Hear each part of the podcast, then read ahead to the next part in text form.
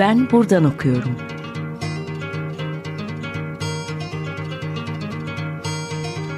Edebiyat ve başka şeyler.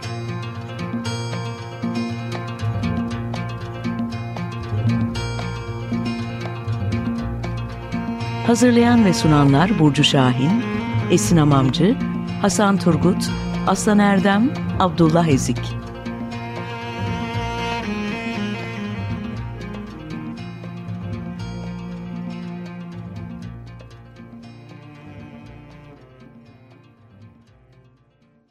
Herkese merhaba.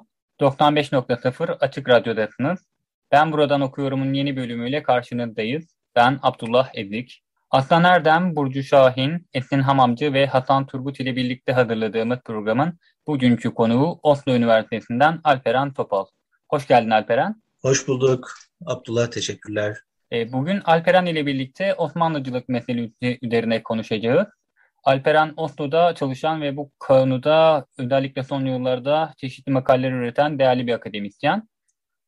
Ee, ilk olarak Alperen, senin geçtiğimiz haftalarda bir makalen yayınlandı. Ottomanism'in History and Historiography, Fortune of a Concept. Ee, bu makale aslında Osmanlıcılık kavramına farklı şekillerden yaklaşan özel bir makale. Özellikle seni e, Osmanlıcılık meselesi üzerinde düşünmeye zorlayan, bu meseleye yönlendiren neler oldu? Belki biraz makalenin hikayesinden başlayabiliriz. Evet, aslında e, makalenin çok e, ilgi çekici bir hikayesi var. Benim bu konuya e, gelişim tesadüfi oldu biraz. Normalde Osmanlıcılık gibi büyük mesele üzerine yazmayı düşünmüyordum ama yurt dışında bir e, Habsburg ve Osmanlı İmparatorluklarının 19. yüzyılda vatandaşlık sorunuyla nasıl baş ettiklerine dair bir e, derleme kitap e, çalışmasında olan arkadaşlar benden de bir katkıda bulunmamı rica ettiler. Ben benim de niyetim e, üzerlerinde bir süredir çalıştığım yeni Osmanlıların Osmanlıcılık anlayışı üstüne e, özet bir şeyler yazmaktı. E, ama yazmaya oturduğumda işte hani normalde giriş yaparsın makaleye. Dur şöyle önce bir Osmanlıcılık tanımı yapayım. Ee, Osmanlıcılığın e, nerede çıkmış bir ufak soy kütüğünü sunayım diye e, başladım, oturdum yazmaya. Ama e, fark ettim ki Osmanlıcılığa dair e, literatür, kaynaklar e, çok e, yüzeysel ve konuyu sathi olarak ele almışlar. Özellikle 1908 sonrasına dair çok ciddi bir literatür var. Yazılmış kitaplar, tartışmalar çok zengin. Ama 1908 öncesi yani 19. yüzyılda Osmanlıcılığın e, nasıl algılandığı, nasıl kavrandığı, nasıl sunulduğu tartışıldığına dair neredeyse hiçbir şey yok. Bu konuda işte mevcut e, literatürde işte Zürher'in, e, Erik Jean Zürher'in kitabını, Berkes'in kitabını, Bernard Lewis'i, Şerif Mardin'i, Halil Nalcı bulabildiğim tüm kaynaklara baktım. Genellikle çok kısa geçiştirildiğini, basitçe işte Tanzimat'la beraber başlayan ve e, bir resmi ideoloji olarak benimsenen bir program olduğu söylenip geçiliyor. Ama e, yani buna dair bir delil ya da herhangi bir paşadan ya da bir e, fermandan bir e, ya da bir resmi yazışmadan e, bir alıntı yapılmıyor. Genel olarak çok yüzeysel ele alındığını fark ettim ve bu ilk beni düşündürdü. Ya bir saniye acaba nerede bunun şeyi e, kaçırdığım bir kaynak mı var? Bayağı karıştırdıktan sonra fark ettim ki bu konuda basitçe sadece bir delil yok. E, ve bu konudaki argümanlar e, aslında e, o dönemin kaynaklarındaki belli başlı şeylerin e, çok basitçe yeniden üretilmesinden, sorgulanmadan yeniden üretilmesinden kaynaklanmış. Bu yüzden de oturup e, baştan aslında bu kavramın Osmanlıcılık tartışmalarının izini süren bir tür soy kütüğünü çıkarmaya çalışan bir e, makale e, yazdım sonucunda. Peki aslında sen bu makalede konuya çok farklı yerlerden yaklaşıyorsun ve bir takım yeni görüşler e, öne sürüyorsun. E, bu noktada Osmanlıcılığın e, benimseyen bir devlet yapısı içerisinde e, imparatorluğun devlet toplum ilişkisine sen nasıl yaklaşıyorsun ve ne tür bir revizyon önerisinde bulunuyorsun? Öncelikle revizyon önerimin e, metodolojik bir kökeni var. Yani burada e, aslında tarihçiliğimizde farklı meselelerde de çok sık yapılan e, hatalardan bir tanesi. Bizim tarihçiler olarak geçmişe baktı, bakarak e, onu, o süreçleri ve dönemleri, olayları tanımlamak adına kullandığımız kategoriler. Ama bir de o dönemin aktörlerinin yaptıkları ve o kend, onların kendi yaptıklarını nasıl tanımlayıp anlamlandırdıkları. Bunlar aslında üç farklı katman. Biz bunları çoğu zaman birbirine geçiriyoruz. Osmanlıcılık meselesinde de ben bunu gördüm. Yani e, bir şekilde e, tevatür olmuş artık mütevatir bir şekilde aktarıla gelmiş Osmanlıcılık deniyor. Ve bu Osmanlıcılığın var olduğuna ikna olduğumuz için bir proje olarak, bir e, model, bir e, siyaset olarak var olduğuna inandığımız için de baktığımız her yerde e, de Osmanlı'nın Tanzimat süreci özellikle siyasetinin birçok noktasında Osmanlıcılık görüyoruz. Ama halbuki dönüp kaynaklara baktığımızda ya da e, hükümlerin, e, kanunların, siyasetlerin arkasında yatan motivasyonlara baktığımızda hep birbirinden farklı, hep tekil e, tartışmalar görüyoruz. Atıyorum bir meselede askerlik meselesine dair mesela bir yürütme yapılıyor, bir e, kanunlaştırma yapılıyor. Bir noktada bakıyorsunuz işte pasaportlarla ilgili bir sıkıntı olmuş. Mesela bu e, tabiyet kanunu, bin, e, 1868 tabiyet kanunu mesela. Bu çok örnek verilir e, Osmanlıcılığa dair e, temel taşlardan biri olarak. Ama baktığınızda bu yasanın arkasında sadece Ali Paşa'nın e, çift pasaport bulunduran Yun, Yunanlıları, Rum tebaayı bir şekilde kontrol etmek adına yaptığı bir şey olduğunu görüyorsunuz. Ama tarihçilerimiz geri dönüp baktıklarında bu farklı e, noktaları, farklı dönüşüm noktalarını bir şekilde hep Osmanlıcılığa tevil etmişler. Burada öncelikle bu ayrımı yapmamız gerekiyor.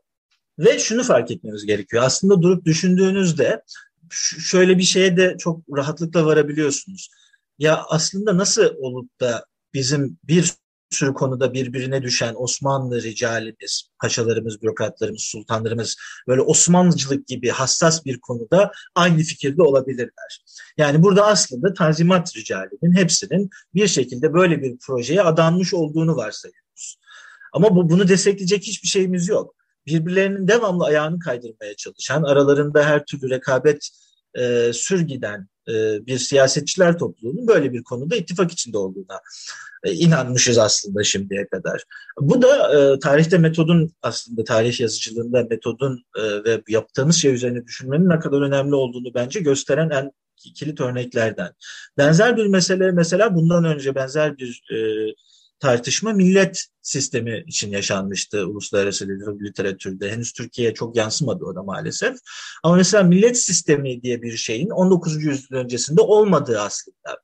Hatta millet sisteminin kendisinin yani millet sistemine ait unsurların ancak 19. yüzyılda Tanzimat'la beraber ortaya çıktığını tarihçiler e, fark etmişlerdi. Ama maalesef bu tür mitlerimiz, tarih yazıcılığına dair mitlerimiz çok yaygın.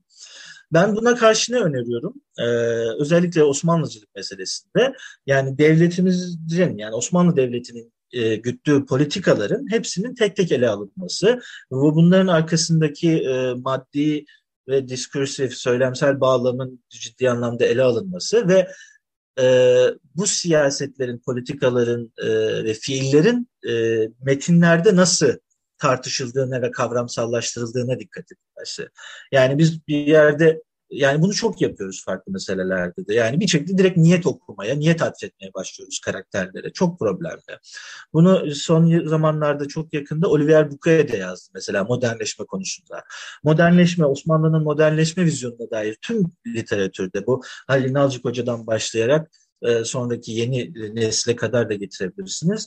Hep bir şey var yani Reşit Paşa gibi yahut işte Ali Paşa gibi, Cevdet Paşa gibi bir şekilde e, aydın gördüğümüz bürokratların ve devlet adamlarının Batı'yı çok iyi anladıklarını, çok iyi gördüklerini ve oradaki vizyona bir şekilde kendilerini adadıklarını varsayıyoruz. Özellikle Reşit Paşa özelinde bu çok yapılıyor mesela.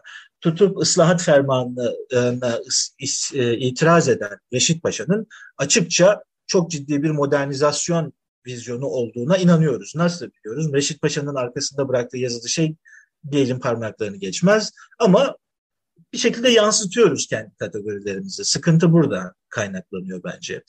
Bu yüzden yani Osmanlı'nın aslında bu siyasetleri neden güttüğüne dair daha derin bir e, anlayışa sahip olabilmek adına bu ön yargılarımızı askıya almamız gerekiyor. Benim önerim bu şekilde. Aslında buradan biraz tarihsel bir sürece de geçip şunu da konuşabilir diye düşünüyorum. Sen Osmanlıcılığın izlerini 1860'ların ortalarındaki genç Osmanlılar hareket üzerinden okumayı öneriyorsun. Bu oldukça çarpıcı bir mesele çünkü bugüne kadar yapılan hemen hemen bütün okumalar işte Mithat Paşa ve hükümet ödelinde yapılan devletin resmi söylemi üzerinden gündeme getirilen meseleler etrafında şekilleniyor. Ancak bu kavramı ve bu meseleyi genç Osmanlılar hareketi üzerinden okumak oldukça bence yeni ve çarpıcı bir şey.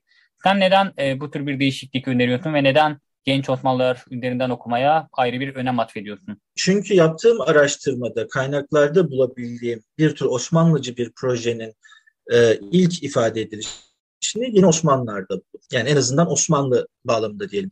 Yeni Osmanlılardan önce bu tür projeleri öneren, teklif eden, tavsiye eden yabancı birkaç bürokrat var. Mesela ıslahat fermanı tartışmaları sırasında Fransız elçisi Tuvenel, ee, yine 1860'ların sonunda e, Duc de Valmy bu konularda mesela Fransızca makaleler kaleme alıyorlar. Ama e, de Osmanlı Devleti bunu çok ciddiye almıyor ya da daha doğrusu ciddiye almak değil de e, yapmak istemiyor.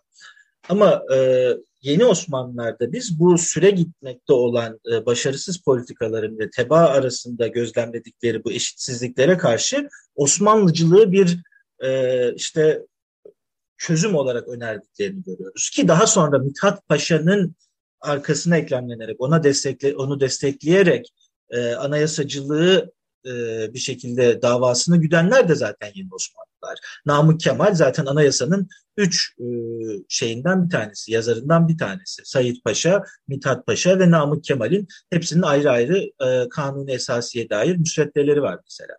Bu yüzden e, yeni Osmanlılardan başlatmak gerektiğini düşünüyorum. Belki burada dinleyicilerimiz için bir şarkı molası verebiliriz. Sen bugün Açık Radyo dinleyicileri için ne çalmak istersin? Ee, biraz klasik olacak ama çok sevdiğim ve dinlemekten bıkmadığım Müzeyyen Senar'dan Kimseye Etmem Şikayet dinleyelim. Alperen Topal ile sohbetimize kaldığımız yerden devam ediyoruz. Peki Alperen aslında bir bu dönem metinlerine baktığımızda Osmanlıcılık kavramının kullanılmadığını görüyoruz. Bu da tartışılması gereken bir başka önemli konu bence. Ee, özellikle 19. yüzyıl metinlerinde bu kavram neden kullanılmaz? Neden böyle bir yokluk söz konusudur? Ee, beni e, ilk zaten şüpheye düşüren şey buydu. Yani e, ikincil kaynaklarda mevcut literatürde Osmanlıcılığa dair çok bir delil bulamayınca bu sefer kendim oturup e, kaynaklarda e, aramaya başladım. Birçok kaynağı dijitalleştirmiştim kendim. Bu da kolaylaştırdı aslında arama yapmamı. Osmanlıcılık, Osmanlılık, Osmanlı gibi kelimelerin nasıl kullanıldığına baktım mevcut gazete, dönemi gazete ve kaynaklarında. Ama Osmanlıcılığın hiçbir yerde geçmediğini gördüm. Daha sonra e, affedersin. Daha sonra e, dönüp e, bu kurucu metinlerden olan tabii ki Yusuf Akçura'nın üç tarzı siyasetini okuduğumda Yusuf Akçura'nın dahi Osmanlıcılık kelimesini kullanmadığını gördüm. Yani İttihad-ı Osmani'den bahsediyor. Osmanlıcılık projesini bir anladığımız, bildiğimiz şekliyle çok güzel bir şekilde tasvir ediyor, tarif ediyor. Ama yine de Osmanlıcılık şeklinde bir e, kelimeye oturtmuyor bunu. Bu kelimeyi ilk bulabildiğim kullanımı e, Osmanlıcılık kelimesinin Ziya Gökalp 1910-11 tarihli Türk Yurtu'ndaki bir makalesi. O da tabii Ziya, şey, Yusuf Akçura'ya atıfla e, izah ediyor zaten. Ama tabii ki şöyle bir şey de var. Yani bir kelimenin olmaması kavramın olmadığı anlamına gelmez. Adlandırılmamış bir şekilde bir mefhum tartışılabilir. Ki işte Yusuf Akçur'da gördüğümüz budur. Osmanlıcılık olarak koymuyor adını ama ortada çok e, net tanımlanmış bir proje olarak kavram. Ve Göka, e, Yusuf Akçur'a zaten alışa geldiğimiz Osmanlıcılık anlatısının belki de ilk üreten kişi. İşte Tanzimat'tan itibaren 2. Mahmut'la böyle bir siyasetin geliştiği, yeni Osmanlılar e, Ali ve Fuat Paşaların ve Mithat Paşa'nın bu projeyi devam ettirdiği ama naif bir proje olduğu için e, bu projenin çöktüğü e, ve artık çok bir itibarı kalmadığına dair bir hüküm. Tabii ki burada aslında öncelikle böyle bir tespitin bir Türkçüden, Türkçülük davasını savunan birinden geliyor olması öncelikle bizi düşündürmeli. Yani Yusuf Akçura'nın bu şeyini ne kadar hakikate tekabül ettiğini düşünebiliriz. Çünkü burada Yusuf Akçura kendisi bir şekilde Osmanlıcılığın itibardan düşürmek istiyor ki Türkçülüğü daha tercih edilebilir bir opsiyon olarak öne sürebilsin. Ee, bu buradan hareketle bu sefer işte 19. yüzyıldaki metinleri karıştırdım. Orada Osmanlıcılığın olmadığından emin olduktan sonra Osmanlılık gibi kavramlara baktım ve işte Osmanlılık, İttihadi Osmani gibi kullanımların olduğunu gördüm 1860'lardan, 70'lerden itibaren özellikle. Hatta aslında açıkça e, Kanuni Esasi'nin açılışında 1876'da meclisin açılışında e, Abdülhamit'in açılış konuşmasında resmen açıkça bu saatten sonra tüm tebaamız işte saltanatımızın adıyla anılacaktır. Hepiniz Osmanlısınız dediği bir nokta var. Aslında Osmanlıcılığın resmen bir şekilde zuhur edişini bu noktada görebiliriz. Ama tabii ki burada e, asıl soru bu metni e, Abdülhamit'in yazıp düşünmüş olmaması.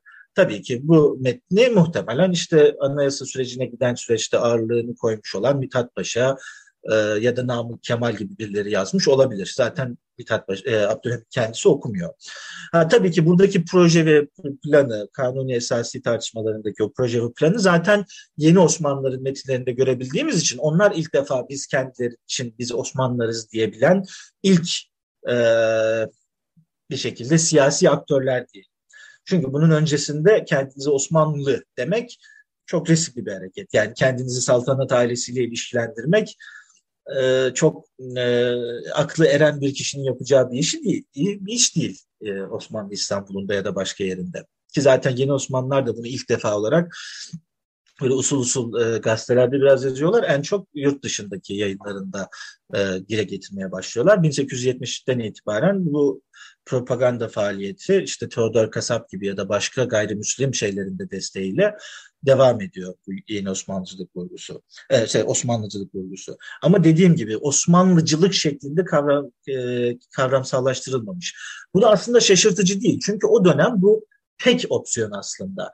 Ee, emsallerinden farklılaştırılması, ayırt edilmesi gereken başka ideolojiler yok.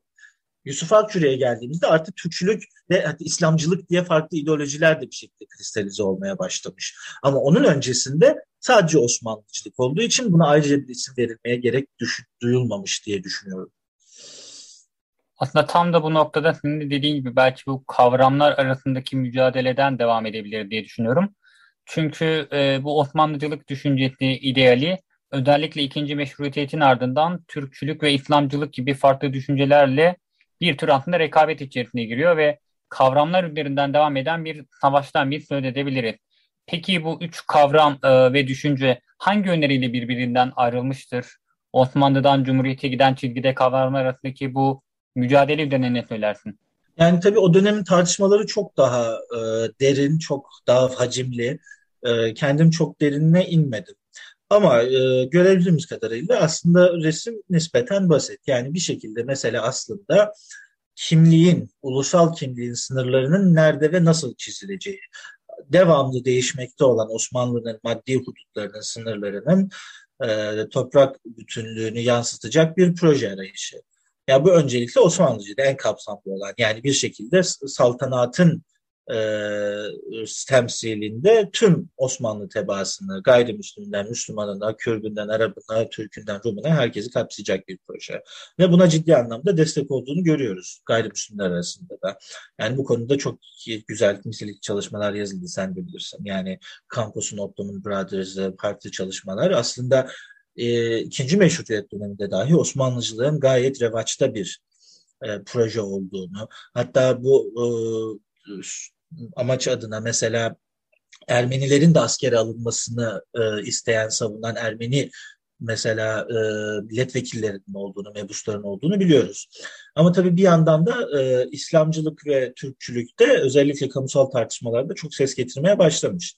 Türkçülük tabii burada bildiğimiz şekliyle aslında Türklük üzerine daha e, etnik bir e, ya da Ziya Gökalp üzerinden daha kültürel de diyebilirsiniz ama bir şekilde Türklük adı altında artık saltanatın ya da idarenin tamamen e, ih, ihmal edildiği, göz ardı edildiği daha soyut bir vatandaşlık tanımına gidiyor. İslamcılıksa e, yine Osmanlı sınırlarının da aşan bir vatandaşlık tanımına yani e, Türk olmasa bile tabi burada Kürt, Arap ve farklı unsurları da kapsayabilecek ve işte din adı altında birleştirecek, e, din bayrağı altında birleştirecek bir proje.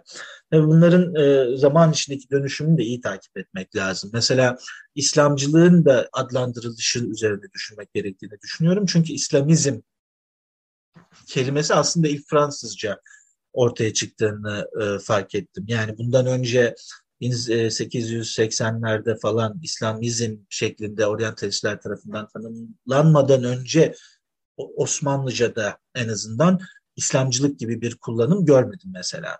Bu yüzden orada Avrupa ile ilişkilerin ya da Avrupa basının ya da oryantalist literatürün de etkisi üzerine düşünmek lazım. Mesela İslamcılık e, kavramının ya da ideolojisinin gelişiminde. Belki son bir mesele olarak da şunu konuşabiliriz. Bir vatandaşlık tartışması da var bu batılılaşma hareketiyle başlayan. Peki Osmanlı için e, bu vatandaşlık bir tür zorunluluk mudur yoksa kendi tarihsel süreci içerisinde gelişmiş bir durum mudur? Bu Osmanlı için büyük oranda bir zorunluluktu. Yani bir tür, e, ben tabii de çok zikredilen bir argüman. Bir şekilde Batı e, modellerinin örnek alınmaya çalışıldı körü körüne. Ama mesele böyle değil. E, ben daha tezimde şeye Nizam-ı Cedid dönemi tartışmalarına bakarken dahi bu dönemde yavaş yavaş e, Osmanlı bürokratının e, ve devlet adamlarının tebaaya bakışında değişmeler olduğunu görmüştüm. Farklı projeler, tebaayı bir şekilde homojenleştirmeye yönelik fikirler, planlar, projeler olduğunu e, görmüştüm. Bunun haricinde zaten mesela reaya gibi kelimeler kullanılırken 18. yüzyıla kadar 18. yüzyılın sonundan itibaren teba gibi kelimelerin yeniden ortaya çıktı ortaya çıktığını görüyoruz. Mesela Osmanlı Devleti'nin tebaası ile ilişkisinin zaten dönüşmekte olduğuna dair çok somut deliller bunlar. Bize çok e, güzel doneler sunuyor. Ve bunun da ötesinde en kilit mesele tabii ki özellikle zorunlu askerliğe geçişle başlıyor devletle toplum arasındaki vergi temelli ilişkiye yepyeni bir boyut etkiliyorsunuz. Herkes zorunlu olarak e, bir şekilde yaşı gelmiş erkekler askere gidecek. Bu çok büyük bir yükümlülük tebaaya karşı ve Osmanlı ile tebaası arasındaki, devletle teba arasındaki ilişkileri çok ciddi sarsıyor. Ki Tanzimat Fermanı'nın ilan edilmesindeki en temel sebeplerden bir tanesidir. Yani Osmanlı aslında devleti tebaası ile ilişkilerini standartize etmeye, daha modernleştirmeye çalışıyor. Çünkü bu buna mecbur. Ee, insan kaynağını kendince daha verimli kullanabilmek adına ve Batı ile rekabet edebilmek adına ve bu şekilde tebaasına yükleniyor. Ve devamlı olarak da bu yüklenmenin karşılığında e, bir şekilde tavizler vermek zorunda kalıyor ya da işte durumları iyileştirmeye çalışıyor vesaire vesaire. Bu yüzden vatandaşlık meselesinin Osmanlı'nın kendi içinde en temel sorunlarından biri olduğunu söylememiz mümkün. Bugün bizimle olduğun için çok teşekkür ederiz. Ee, Osmanlı kavramına sanırım genel hatlarıyla Vehdi'nin yeni iddialarında yaklaşmış olduk. Çok teşekkür ederiz. Ben teşekkür ediyorum Abdullah. Ee, iyi çalışmalar. Ben Abdullah Edik. 95.0 Açık Radyo'da bugün Alperen Topal ile birlikte Osmanlıcılık meselesine eleştirel bilgilerden yaklaşmaya çalıştık. Ben buradan okuyorum programı. Her pazartesi saat 16'da dinleyicilerle buluşmaya devam edecek. Bir de dinlediğin için herkese teşekkür ederiz.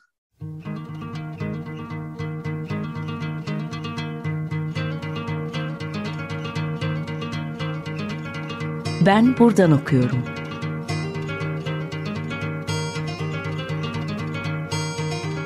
Edebiyat ve başka şeyler.